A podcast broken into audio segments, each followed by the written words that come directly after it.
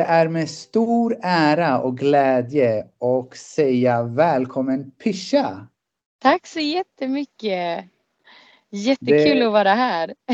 ja, jag har ju fått upp, upp ögonen för dig ett bra tag sedan och det är via gemensamma vänner. Ja, precis. Vi har några att... sådana. Ja, vi har ju det. Och eh, jag tycker att du har gjort en jättespännande resa och jag verkligen resonerar med lite ditt sätt att arbeta. Men först skulle jag vilja presentera dig och det är att du är en stor profil inom träningsvärlden. Och du har varit det ett tag. Eh, snälla berätta för oss, hur började den här resan in till träning och vad betyder det för dig? Eh, och den började ju faktiskt för länge sedan nu. Eh, 2012 gick min utbildning och 2013 hade jag startat mitt eget företag. Så att i nästa år då firar jag tioårsjubileum. Oh, wow. eh, ja, och jag började med utomhusträning. Ehm, för mig var tanken bakom den utomhusträningen var att den skulle vara enkel för människor att nå. Ehm, vilket betyder då att man eh, inte behövde ha någon särskild erfarenhet för att komma och vara med utan fokuset var på att eh, finna glädje i rörelse och ha roligt när man tränar och göra det i grupp eh, och så oavsett väder.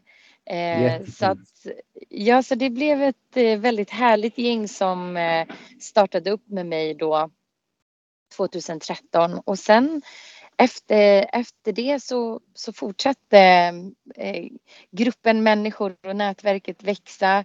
Eh, jag började använda mig mer och mer av sociala medier. Eh, så där byggdes också ett eget community sidleds med, med de här utomhusgrupperna. Då. Ja. Eh, och på den biten var det egentligen. Det ena ledde till det andra som man brukar säga när man pratar med de man coachar att man får sätta en fot framför den andra och sen så brukar det lösa sig. Exakt. Så det var det på den biten det var.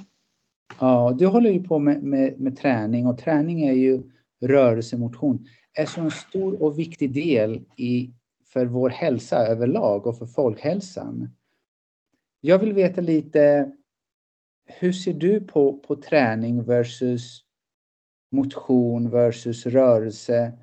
Hur, vad är dina största budskap och hur försöker du inspirera människor i att börja vara mer fysiskt aktiva?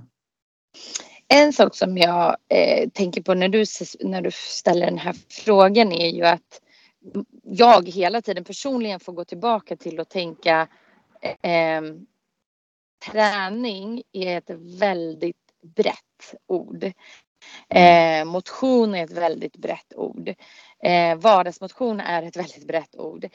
Eh, och det betyder verkligen olika för olika människor. Och jag får alltid påminna mig själv om det att eh, jag kanske menar träning på ett sätt när jag pratar med en viss person och när jag pratar om min egen träning så betyder det eh, någonting annat. I, i, allting bottnar i att man ska röra sig, må bra, eh, få en starkare kropp, eh, ett hjärta som får jobba, en bra så. kondition och så vidare. Ja. Men, men det finns ju så många olika sätt att göra det på och hur man anpassar det till sitt eget liv och vad man tycker är roligt. Jag är ju en ja. sån person som älskar träning och älskar att röra mig. Det har jag alltid gjort. Jag finner liksom glädje i det. Men jag har ju också eh, träffat enormt mycket människor som inte tycker att det är roligt, som ser mm. träning som ett måste. Eh, och då har jag ju många gånger sagt och visst, jag står bakom det till viss del och, och tyck, tror verkligen att det finns någonting för alla. Eh, mm. Men sen behöver det inte vara hysteriskt kul. Det behöver inte vara prio ett eh, för alla. Det kan däremot vara någonting som man ändå tycker är så här, men det är ändå okej okay att göra. Precis som att man har ett jobb som man kanske inte älskar att gå till. Det är inte ens kanske eh, det man har drömt om att bli hela livet. Men det är ändå en trevlig arbetsplats med bra arbetskollegor. Och ja. då kan man ändå finna sig i att göra det. Eh, till skillnad från att man kanske behöver gå till en arbetsplats man hatar och ett jobb man verkligen inte trivs på. Och så ser jag lite grann med träning också. Ja. Att eh, det gäller nog att hitta någonting som ändå känns eh, hållbart i längden och det kommer man vinna på alla dagar i veckan. Exakt. Och vi har ju en stor möjlighet att, att kunna prova på massa olika typer av aktiviteter. Vi som ja, bor här som får olika typer av, av årstider också. Men du nämnde någonting jätteviktigt där just med de fysiologiska funktionerna, effekterna på vår hälsa. Och det är just det här att ha stark kropp och att den kan, ja, men att den håller med tiden. Mm. Och den är ju gjord för att röra på sig. Och vi mm. vet att pulshöjande träning förebygger jättemånga olika typer av sjukdomar och är väldigt nyttig för oss. Mm. Eh, hur kan vi motiveras? Hur kan vi hitta vårt sätt att träna som, som håller då i längden? Det är ju väldigt intressant när man pratar just om sådana aspekter, till exempel att eh, ändrar du inte ditt sätt att leva på, alltså äta mer hälsosam mat, dra ner på sockret, röra dig mer så kanske du får eh, diabetes eller andra eh, sjukdomar och så vidare. Och det kan vara ganska svårt att finna sig i det. Alltså det kan vara väldigt svårt att motivera någon med att säga så här, ja men om du inte förändrar så kan det här hända. Om du förändrar det så kan du eh, få eh, 10-20 år till att leva på. Det är ganska, jag tror att det är ganska svårt att ta i det. Eh, och då brukar jag i alla fall säga framförallt till, till exempel, jag är ju coach i Biggest Loser och där blir det ju väldigt tydligt att jag kan nästan direkt sätta ord på den känslan.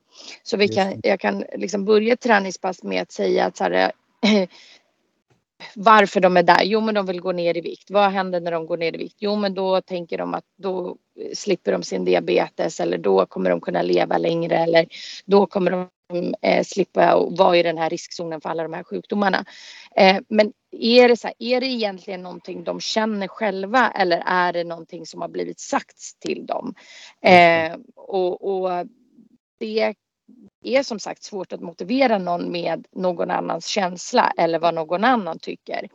Så då brukar jag säga liksom till exempel att inför det här träningspasset eller under, den här, under det här träningspasset så vill jag verkligen att du tänker på vad som händer med kroppen.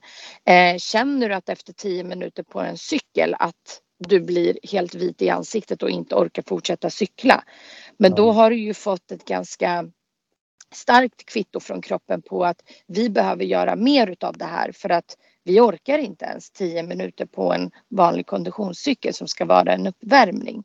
Vi mm. måste bygga upp våran kondition för att vi ska orka eh, träna 30 minuter om dagen till exempel. Och där har vi ju då redan hittat en ganska bra målbild av att så här, okej, okay, det här är första gången jag gör det här. Jag klarar inte 10 minuter, Hmm, och vad betyder det? Jo, men det betyder att jag har ganska dålig kondition. Hur kan jag förbättra den konditionen? Och på så sätt börja bygga upp någon slags målbild och något slags varför till som sen då kan leda till att så här, nu förstår jag, nu börjar jag bygga upp en stark kropp, nu börjar jag få bättre kondition. Eh, nu börjar jag känna att jag inte dör på varje träningspass, vilket också innebär att man då sänker riskerna för att bli sjuk längre fram och för att man kan leva längre. Jättefina poäng och eh, jag definitivt resonerar med alla dem. Jag vill också ta in en annan typ av aspekt med just det här början av träningen. Och det är, jag är en av dem att jag började träna nu första gången efter nio år på grund av min sjukdom. Kronisk borrelia gjorde att jag var sängliggande i ett halvår och jag var så pass dålig att med den lilla energin jag hade, jag förbrukade den och det var nästan som att jag fick ett bakslag och var sedan utmattad mm. i två veckor.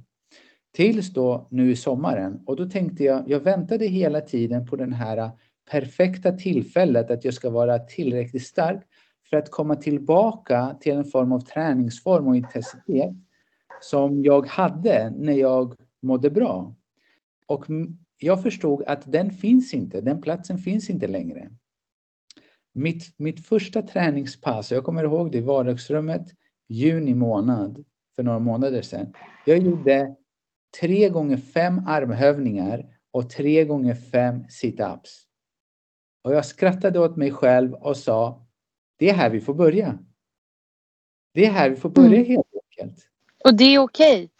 Ja. Och det är verkligen okej. Okay. Och jag tror att många eh, mäter sig med sina gamla meriter och uh, tänker att så här, men jag vill komma tillbaka till det som har varit. Och det är också så här återkommande samtal som jag har med mina kunder att eh, särskilt kvinnor kanske som, som ändå har nått medelåldern eh, och som säger så här, jo men för två, tre år sedan bara, då eh, svarade jag jättebra på viktnedgång eller då hände det här och det här när jag tränade och så känner jag inte idag. Nu känns ja. det som att jag bara står helt stilla.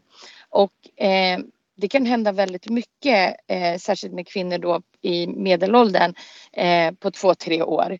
Eh, och ibland så jämför man sig till och med med saker som man hade eller gjorde för tio år sedan. Eh, och eh, det går inte. Man måste alltid se vart man är här och nu. Eh, och då pratar vi ju inte om att någon har en förkylning och är borta från träningen en vecka. Och även där behöver man ju också vara snäll mot kroppen när man startar igång. Att man kanske ger sig själv en comeback-vecka och, och uh, inte dra på sina tyngsta vikter och, och sätta högsta farten på löpbandet. Men ja. det vi pratar om här är ju då som du nämner, du har varit borta från träningen i extremt många år eh, och det finns ju nog många som kan känna igen sig i det.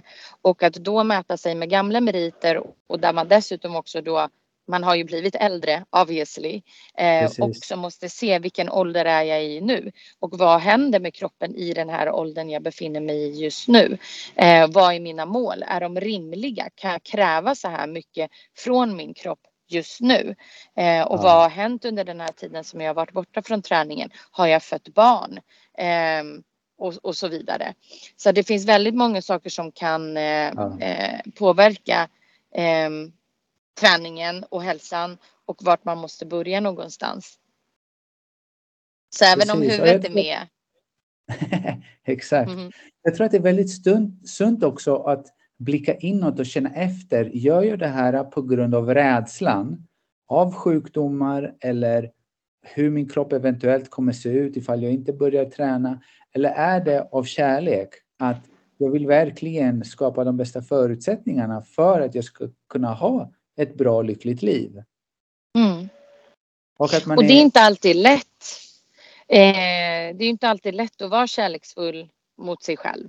Eh, och, och, och, blicka inåt och speciellt i ett sådant samhälle som vi lever i idag där allting ska gå väldigt fort och vi ska hänga med på alla trender och vi ska ha samma saker som alla andra har och så vidare och så vidare.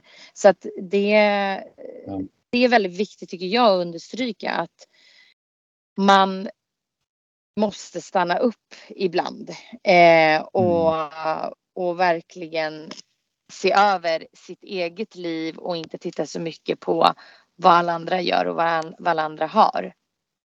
Precis. Det är så lätt och det tenderar att man kommer att, att det fattas någonting när man tittar höger eller vänster. Men medan man tittar och blickar inåt, att det blir mer en tacksamhet mm. till vad jag har och inte fokus på vad jag inte har. Och, och, att man kanske ändrar sitt perspektiv så att inte det blir ett målorienterat till en, ett mål för att sedan säga okej, okay, då kommer jag vara nöjd och då kommer jag vara lycklig och då kommer saker och ting vara bra. Min upplevelse är just att så länge man har det utifrån perspektivet av att det här är någonting som jag gör för mitt välmående och jag har en djupare insikt att medan jag lever i den här då fysiska kroppen, att den behöver då rörelse, att den behöver utmanas. För att innan vi går in och försöker jobba kanske med det mentala, vi behöver en stark kropp också för att kunna hantera det mentala. Mm. Eh, och på så sätt skapa de bästa förutsättningarna. Men ibland så går ju den här, den fysiska och det mentala går ju hand i hand. Hur är din upplevelse just när du pratar med dina kunder och så, hur pass mycket kan man påverka och stärka det mentala genom att stärka också kroppen? Jättemycket. Det har ju det är så himla häftigt att få följa människor på det här sättet så som vi gör när vi jobbar med människor. Att eh, någon kan ju komma med idén om att ja, den ska börja träna för att den vill lyfta sig och så mycket eller den ska springa ett lopp eller vad det nu än kan vara. Men med tiden så märker man att liksom det mentala också börjar hänga med, att man också börjar träna sina mentala muskler och att man då också börjar göra förändringar i livet som kan handla om ett jobb, det kan handla om relationer, det kan handla om en dröm man har haft men aldrig har vågat. För att man känner sig, genom att du känner dig starkare i kroppen så får du ju också mer självförtroende och en bättre mm. självkänsla. Att eh, mm. klarar jag av det här så följer den känslan med att då klarar jag ju faktiskt att prata med chefen och säga nej. Jag kommer inte jobba mer övertid. Eller säga eh, till den här personen som irriterar en varje dag att så här, vet du vad, nu räcker det, nu orkar jag inte mer ditt bullshit. Jag går eh, och hänger med folk som uppskattar min tid istället. Och det är väldigt mycket sådana saker man kan faktiskt direkt dra koppling eh, till träningen med. Att eh, man bygger inte bara kroppsliga muskler på gymmet utan man bygger också mentala. Precis. Och det, min upplevelse är att det finns en tendens att det där går då hand i hand. Så ibland så kan man se någon som säger okej, okay, men jag ska börja träna fysiskt när mitt mentala, när jag är redo att. Jag ska bara vänta tills den där dagen. Men kan, ibland kanske det inte finns en perfekt dag att börja. Det gäller bara att sätta igång. Mm. Så är det ju verkligen. Eh, det kommer ju aldrig vara, man kommer ju aldrig vara tillräckligt redo för att eh, börja någonting man aldrig har gjort. Eller det kanske är någonting man har påbörjat många gånger men aldrig slutfört. Eh, och eh, det finns ingen perfekt. Det finns ingen perfekt resa. Eh, till exempel när personer säger att de har misslyckats eller nu följer jag igen och nu är allting skit och nu börjar jag om från början. Det är ju där det intressanta händer. Det är ju där vi faktiskt möter oss själva och kan se vilka faktiska beteenden man behöver förändra och åt vilket håll man vill jobba mer åt och försöka fokusera på det istället. Ja. Och hur, vad är dina tips och råd gällande, nu, nu är det väldigt mörkt här i Sverige och det, det, det är kallt och man har inte, jag tränar då på morgonen innan jobbet, och man har inte riktigt lust kanske att komma upp. När ska man då lyssna på kroppen och säga okej, okay, vi, vi hoppar över eller vi tar det lugnt och när ska vi säga okej, okay, det är nu vi möter, när det är svårt, det är då vi pushar på för att verkligen få det här svaret av, av kroppen och ta det till nästa steg. Hur resonerar du kring det? Alltså jag tror eh, en viktig sak eh, när det kommer till vintertid det är ju att vi får väldigt lite dagsljus. Så har man ett väldigt flexibelt liv och kan verkligen välja när man ska göra saker och ting då tycker tycker ju verkligen att man ska försöka göra det på dagtid. Att man ska försöka komma ut och kanske till och med eh, försöka få in en del av träningspassen utomhus eller i alla fall gå promenader och sådär och försöka verkligen få in så mycket ljus som möjligt. Har man däremot lite mer fasta tider och ja, man går till jobbet, i mörkt, man kommer tillbaka från jobbet och det är mörkt. Eh, då tycker jag att det viktigaste tipset är att man försöker göra allting samma tider. Alltid. Att man mm. försöker gå upp samma tider, man försöker gå och lägga sig samma tider och man tränar samma tider. Eh, så, så nära det som möjligt. Sen kan det ju kanske diffa en timme hit eller dit. Men det tror jag absolut är det viktigaste i mörka och kalla tider eh, som vi har i Sverige just nu. Just det. Anpassar du din träning utefter säsonger Eh, något? Eller är det samma typ av träning året om? Nej, jag anpassar jättemycket. Jag har vissa träningsperioder som jag kör mycket mer, eh, alltså boxning, högintensivt, den typen av träning. Eh, lägger in mer löpning och sådana saker. Och i vissa perioder så sitter jag liksom bara inne på gymmet då och köttar tunga styrkepass. Nu är jag mm. inne i en period där jag har märkt att min styrketräning mår jättebra utav färre styrkepass, men där jag också då inte tränar mindre dagar i veckan men, men jag har fördelat det med eh, eller kompletterat styrkepassen med eh, low impact träning. Så att jag står på konditionsmaskinerna eh, 60 till 90 eh, minuter till exempel. Eh, mm. och väldigt lågintensivt. Och det har jag känt att min kropp har mått jättebra av. Eh, och sen då också lagt in en hel del yoga när det börjar bli lite svalare. Nu bor jag i Portugal så jag har inga minusgrader. Men, men eh, det blir ju även vinter här och blir lite kallare. Och då mm. har jag också sett att eh, det är ännu viktigare för mig att lägga in en hel del rörlighet och eh, försöka landa lite i, i yoga och sådär. Just det. Så om vi bara generaliserar, det någon viss typ av träning som du skulle säga det här passar bättre under vintern och något annat mer under sommaren? Eh, jättesvårt att ge ett rakt svar. Jag tänker, nu tänker jag främst på dina lyssnare. Eh, och det är väldigt svårt eh, att säga. Men jag skulle ju absolut eh, säga att under vintertid när det blir mörkt och det kanske låter verkligen eh, konstigt men jag tycker att man ska försöka göra mer utomhusträning. Så att jag tänker ja. faktiskt lite tvärtom. Eh, ja. Men jag tror att alla skulle faktiskt må väldigt bra av att få komma ut lite mitt på dagen. Eh, få svettas lite utomhus och bara känna att de lever lite. Jag tror lite att det skulle göra alla lite frisk luft och ja, ja kanske behöver lite mer jädrar anamma till och med och det tror jag faktiskt kan. Eh, och det tror jag faktiskt att man kan få väldigt mycket nytta av i, i vintertid. Jag tror också ibland har, vi, har man barn att bara springa upp och ner för den där backen med barnen, åka pulka, bara det ja! Gud ja, absolut. Jag håller helt med. Eller vandra. Jag var inne med, med min dotter och vi gick en promenad i en stig här i Ursviksskogen och gjorde en brasa och grillade korv att bära henne på axlarna upp och ner för de där backarna, det blev också en liten träning för mig. Ja, precis. Exakt. Och framförallt när du nämner att du inte har tränat på väldigt länge. Det här är ju väldigt funktionell träning. Det här är ju sånt som kroppen är, eh, är gjord eller skapt för att klara av. Man ska ju då, om vi pratar om kroppens grundrörelser, där vi har knäböj, höftfällning, eh, ja, det blir ju någon slags press när du säkert lyfter upp henne upp på, på axlarna.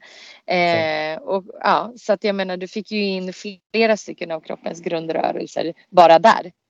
Ja, och hur, för de som inte tränat på länge eller börjat och ska, okej, okay, nu är det snart nyår och vi tänker, okej, okay, nu tar vi nya tag och vi börjar, vi pratat om att börja lite lätt och verkligen försöka hitta någonting som passar en. På vilket sätt kan man då också skapa en förändring kring kosten och skapa en positiv spiral och relation till maten i samband med en positiv syn till träningen? Har du några tips och råd där? Alltså jag tänker Eh, framförallt återigen understryka det här med att det inte behöver vara någon slags perfektion, att man inte behöver sträva efter det. Utan till en början kan det ju vara, eh, alltså, först och främst sätta sig ner och se över hur man äter, hur många måltider om dagen äter man. Eh, känner man att, vi säger att vissa personer kanske äter tre måltider om dagen, men eh, sitter sen på kvällen och snacksar väldigt mycket. Då mm. kan det ju vara ett tecken på att man äter för lite under dagen. Att man kanske behöver få in istället ett extra mellanmål eller äta större portioner. Eh, och det finns ju idag väldigt mycket appar som man kan ta hjälp av och börja kalkylera lite grann. Hur ser mina matvanor ut egentligen? Vad, hur, hur portionerar jag mina måltider? Hur ser mina makronutrienter ut per tallrik? Alltså hur mycket fett äter jag? Hur mycket protein äter jag? Hur mycket kolhydrater äter jag? Och mm. utifrån det så kan man ju verkligen få ett eh, svar på okej, okay, hjälp, jag äter jättebra med protein men jag äter väldigt dåligt med kolhydrater och fett. Men mm. däremot så sticker jag över kolhydratstapeln eh, när jag börjar snacksa på kvällen och det är förmodligen mm. det som gör att man kanske då går upp i vikt eller vad det kan vara. Så att mm. eh, det är det första steget, alltså inte gissa utan eh, och inte ögonmåtta utan faktiskt ta en vecka och börja mäta upp och se hur ser mina måltider ut? Okej, bam, då vet jag vart kan jag göra en förändring? Vilket är mitt sämsta mål om man kan prata så. Men eh, vi säger att man kanske då äter en väldigt svag frukost. Ja, men då kanske frukosten är det första fokuset man ska ha. Man kanske ska mm. satsa på att äta en lite bättre frukost och sen får de andra målen bli som de blir. Men att man i alla fall börjar göra en förändring om vi säger att man äter då tre mål om dagen, sju dagar i veckan. Det är ju 21 måltider. Vi säger att kan vi förändra sex av de måltiderna så är det ju superbra. Det är en Just. jättebra början. Mm. Och, och för de som, som vill då, om vi kollar på vikten som är en riskfaktor för vissa sjukdomar, mycket fokus blir på den, men vad i din, du som har erfarenhet i det här, vad är en rimlig viktnedgång som en hälsosam och frisk rimlig viktnedgång om man ska ta det utifrån då, eh, träningsperspektiv? En hälsosam viktnedgång är den som eh, man lyckas bibehålla, skulle jag säga. Eh, mm. Sen så finns det ju inga mått skulle jag säga om det handlar om 500 gram i veckan eller om det är någon som går ner två kilo i veckan. Utan det, det viktigaste är att man hänger med med huvudet och man lyckas göra sin beteendeförändring i samma veva som man faktiskt går ner i vikt. Så att inte det blir en hets kring att gå ner så snabbt som möjligt. Men för att själva liksom viktnedgången eh, förstå mig rätt nu, det, det klarar alla av. Alla klarar av att gå ner i vikt. Mm. Eh, men det svåra är ju att bibehålla vikten. Det är det som är eh, samhällets problem idag. Är det för att man har lätt att falla tillbaka till ett beteendemönster där de där extra kalorierna kommer in ifrån? Ja, det skulle jag absolut säga att det, det är det det hänger på. Man är väldigt fokuserad på att äta lite mat och röra sig väldigt mycket och man kind of biter ihop över en, en period.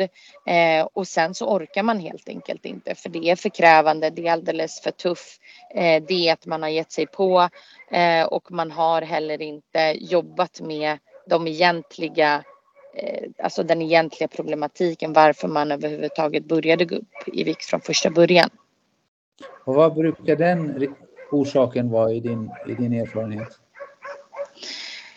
Eh, du menar varför, vilken problematik man brukar se? Ja, alltså precis. varför personer går upp i vikt till exempel. Eh, det kan vara massa olika saker. Det kan vara att man, alltså stress. Det kan vara att man inte eh, planerar ordentligt. Eh, det kan vara att man mm. äter sina känslor. Ehm, ofta skulle jag säga att det är ganska känslobaserat.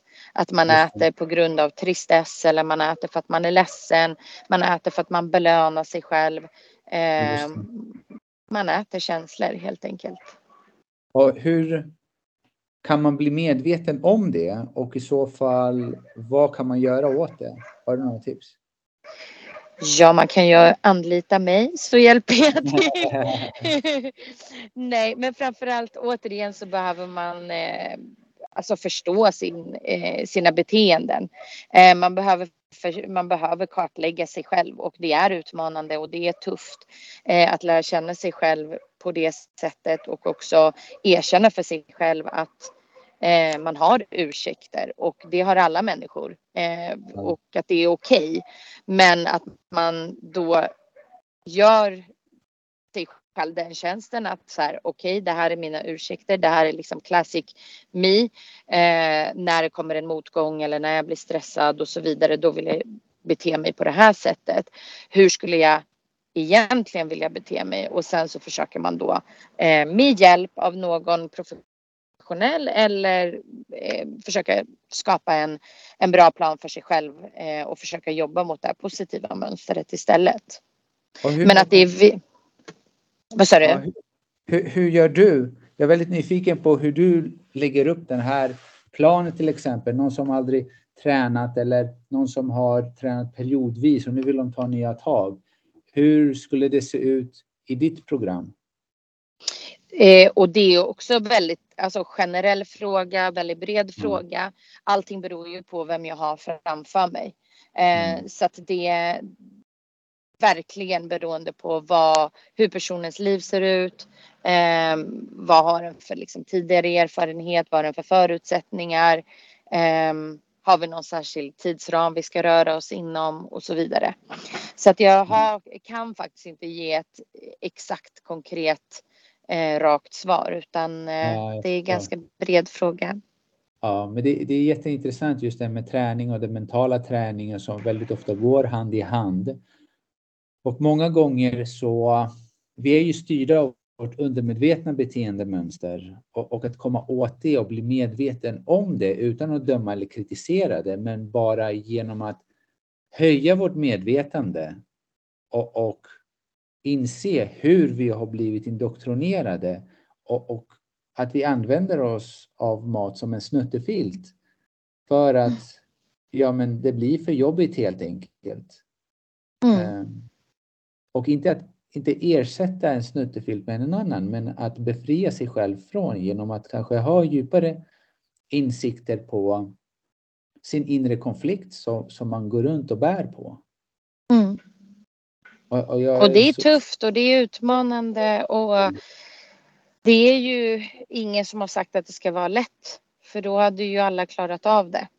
Mm. Eh, men majoriteten har ju sina eh, fighter. Alltså den mm. procenten som vi ser som klarar av det, den eh, alltså procenten är ju mycket mindre. Alltså idag har vi ju en siffra på över 50 procent eh, av övervikt i, i, Sverige till exempel och det är ju en stigande siffra. Vilket mm. betyder att eh, det är faktiskt eh, färre personer som har löst ekvationen än tvärtom. Någonstans så tror jag faktiskt att det är, här, det, det är ett kollektivt problem. Det är inte en enstaka här eller där. För jag ser också samma våg av, av beteende. Det kan uttrycka sig sedan som IBS eller menstruationsbesvär. Det beror på. Och väldigt ofta, alla fall utifrån kinesisk medicinskt perspektiv, så ser vi att roten till problemen väldigt ofta är densamma. Mm. Och väldigt mycket bottnar i eh, stagnerade känslor som vi försöker hålla nere med någon form av lock och, och, och begrava. Vilket egentligen inte går för att när det kommer bli tufft så kan inte vi hålla dem där nere längre och då kommer de upp och då kommer de då styra vår, vårt beteende. Så att försöka genom disciplin eh, att skapa förändring. Min erfarenhet är att det brukar inte vara så långvarigt. Medan ifall då man stärker den fysiska kroppen och därefter den mentala och, och gör också blir mer självmedveten om hur man, eh, man beter sig och vad det är man bär på så kan man befria sig själv från det och ha då mm. förändringar som tjänar ens hälsa och inte som belastar den. Mm. mm. Och flytta fokuset. Alltså så här, jag tror att man eh, många gånger tänker på vad man inte ska göra och vad man ska sluta med. Eh, och det blir ganska negativ, eh, ganska negativt sätt att tänka på hela tiden. Att säga, det där får jag inte äta, det där får jag inte tänka på, ja. eh, det där får jag inte göra längre. Och mitt liv blev så himla begränsat och så vidare. Utan kanske fokusera på vad, och mäta upp vad har vi för fördelar och nackdelar med att jag kommer göra den här förändringen i mitt liv. Mm. Alltså vilka plus kommer jag få eh, av det här. Eh, Jättefina försök... Det som kommer upp i mitt sinne är, är just det här allt vi, vi tror vi begränsar oss från och vi, vi berövar oss från mer än att allt det vackra och det fina som, som vi kan egentligen uppleva. Vilket ibland när vi har begränsat oss själva i den här lilla boxen av det här är jag så finns inte de här fina platserna i den här boxen. Mm. Så att det blir så okänt för mig att inte ha ont eller att, att ha en normal kropp så att säga. Det som är normal just för dig, för det finns inget ett rätt. Nej. Och ibland är det så pass okänt att i det beteendet av kontroll så, så har man inte upplevt det. Och ibland kan det också vara väldigt skrämmande. Mm. Jag tror att genom att verkligen få hjälp av någon som har erfarenhet i det här landskapet, i, i det du arbetar med, kan man också då stärka det mentala och verkligen expandera och verkligen ta till sig och låta det landa i sitt hjärta att även jag är värd att må bra, att se ut på ett specifikt sätt, hur det än må vara och att vara lycklig i, grund och botten. Mm. Så, Precis. Ja. Jättefint. Nej, men så, så jag är otroligt tacksam för det du gör, det många av mina goda vänner gör. som försöker skapa då en förändring, i alla fall en möjlighet till en förändring hos väldigt många. Mm. Och eh, jag ser fram emot då att se då fler vakna upp, låta det här samtalet kanske landa, låta marineras lite och, och kanske ta det här nya, nya året med nya tag och skapa då förutsättningar. Ja. ja. Och att man inte behöver ta så himla stora kliv eller att man liksom går från krypa till springa direkt utan att man tillåter sig själv att försöka från krypa, börja ställa sig upp, ta några steg, mm. kanske falla längs vägen innan det faktiskt blir de där stora löpstegen. Eh, och mm. att det är okej och att det är en viktig del av resan att våga falla och liksom borsta av knäna och också se så här, okej, vad var det som hände? Varför ramlade jag nu? Eh, och mm. titta på, på den resan nyfiket eh, med nyfikna ögon och öppet hjärta och att, att vara snäll med sig själv. Ja. Jag vill bara dela med mig en sak att har du hört ordspråket att när man är hungrig så har man ett problem och det är att man inte har mm. mat i magen. Men medan man, när man har mat i magen så har man en miljon problem. Mm. Lite så kände jag faktiskt i somras efter att jag några veckor efter jag gjorde de här fem armhävningarna eh, så, så började jag gå till ett utegym. Och eh, några veckor senare så tänkte jag, då gjorde jag bara några pull-ups, jag gjorde några armhävningar, jag gjorde några marklyft och sen var jag klar. Men det är ungefär en gräsmatta på, vad kan det vara, 150 meter tillbaka hem till mig. Och då sa jag till mig själv, jag ska faktiskt springa. Jag ska springa tillbaka. Och det kom en sån glädjerus genom alla mina celler och jag hade ett sånt leende på mina läppar. Det var en sån frihet att kunna springa de här 150 meterna. Jag hade inte sprungit på år. Nio år hade jag inte sprungit. Jag hade inte lyft från marken. Jag hade alltid haft åtminstone en fot nere. Och nu verkligen, det kändes som att jag var så levande. Underbart, det... vilken fantastisk känsla. Ja, det var verkligen det. Och jag var så här lite euforisk av, av känslan. Men nu när jag tänker tillbaka att vi, vi, glömmer bort och väldigt ofta så tar vi vår hälsa för givet. Att när man mm. istället, du vet, när, när för de som, som har varit sjuka länge och för de som inte har kunnat träna, som, som inte har kunnat ha sin fysiska kropp som den ska vara.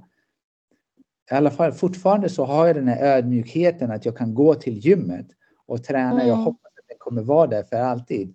Men någonting jag vill bara dela med mig till alla som lyssnar är ta inte er hälsa för givet. Och är ni i en form av träningsform och, och det kan vara så lätt att man ser att resultaten är där framme eller målet är där framme och jag jobbar stenhårt till dit. Men glöm inte njuta av resan. Mm. 100 procent. Ja. Och ibland mm. också inte bara njuta av resan men vem ni gör resan med. Mm. Så är det. Verkligen. Ja. Jättefint tips. Ja. Och varför inte göra den resan också med hjälp av din hjälp? ja, det får de gärna göra. De är så välkomna. Så berätta lite Pisha, vart, vart finns du? Vart kan man lära sig lyssna mer på, på, om dig? om mig. Man hittar ju mig eh, mycket på sociala medier skulle jag säga. Eh, min mm. Instagram Pishas, P-I-S-C-H-A-S. Där delar jag ju dagligen saker på min stories eller eh, i inlägg då. Oftast är det olika träningspass eller tips kring träning.